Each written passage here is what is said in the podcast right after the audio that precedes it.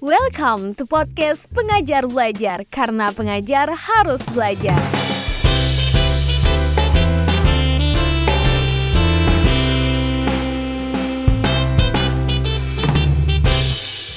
Hai teman pengajar belajar, masih dengan Lara di sini dari tim kurikulum pengajar belajar. Gimana kabarnya teman PB di awal tahun 2023? Tentunya harus tetap semangat buat belajar ya kan? Pada podcast kali ini, aku bakalan bahas tentang Bloom Taksonomi, sebuah tingkatan dalam berpikir. Dalam dunia pendidikan, Bloom Taksonomi bukan lagi hal yang baru, namun sudah sering digunakan. Cuman, apakah kita sudah sedekat itu dan paham tentang Bloom Taksonomi? Yuk, kita review bareng tentang Bloom Taksonomi. Stay tune! Cara soal pendidikan bicara soal guru dan peserta didik. Setiap peserta didik adalah individu yang memiliki keahlian dan kemampuan yang berbeda-beda. Benar bukan teman PB?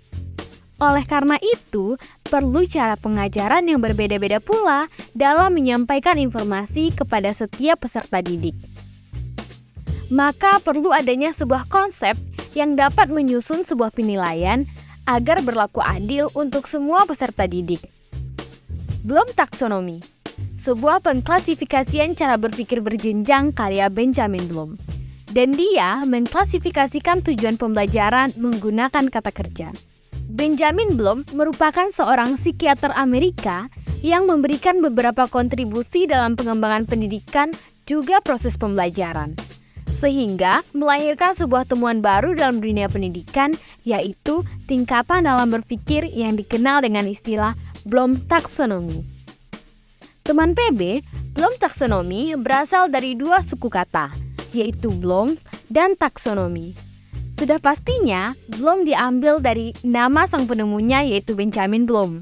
Dan taksonomi berasal dari dua suku kata dalam bahasa Yunani, yaitu taison yang berarti mengklasifikasi dan nomos yang berarti aturan.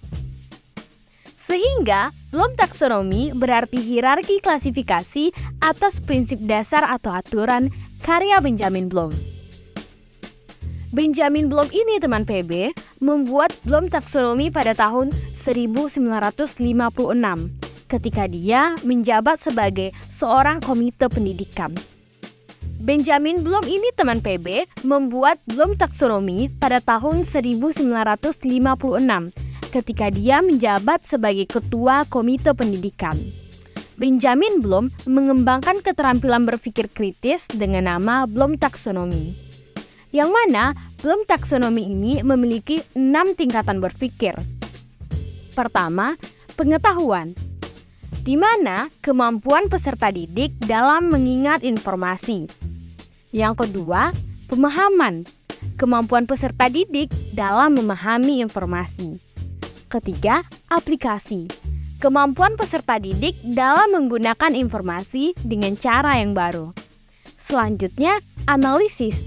Kemampuan peserta didik dalam memecahkan informasi menjadi bagian-bagian penting. Lalu, sintesis.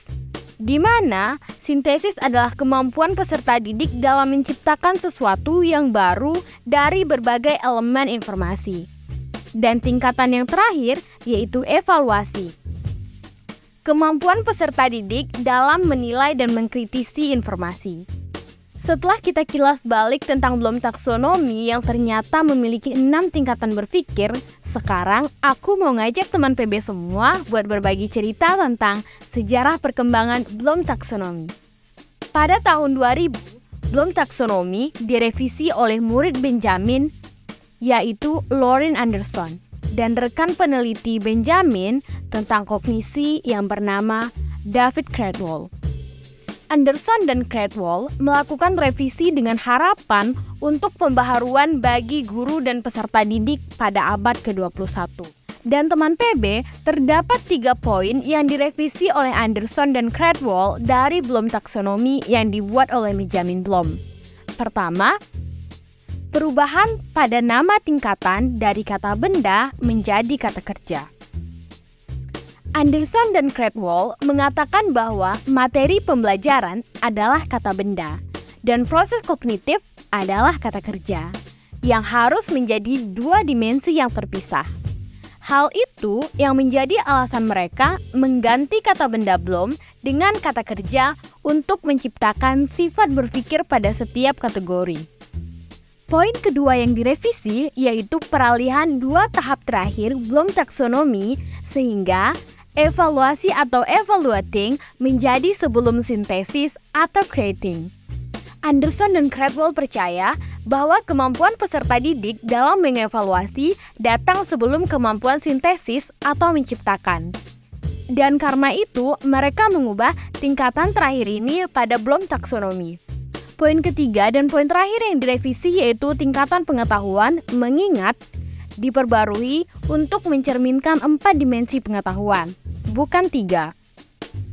Pada Bloom taksonomi, karya Benjamin Bloom, tingkatan pengetahuan atau mengingat hanya mencakup tiga dimensi pengetahuan, yaitu faktual, konseptual, dan prosedural.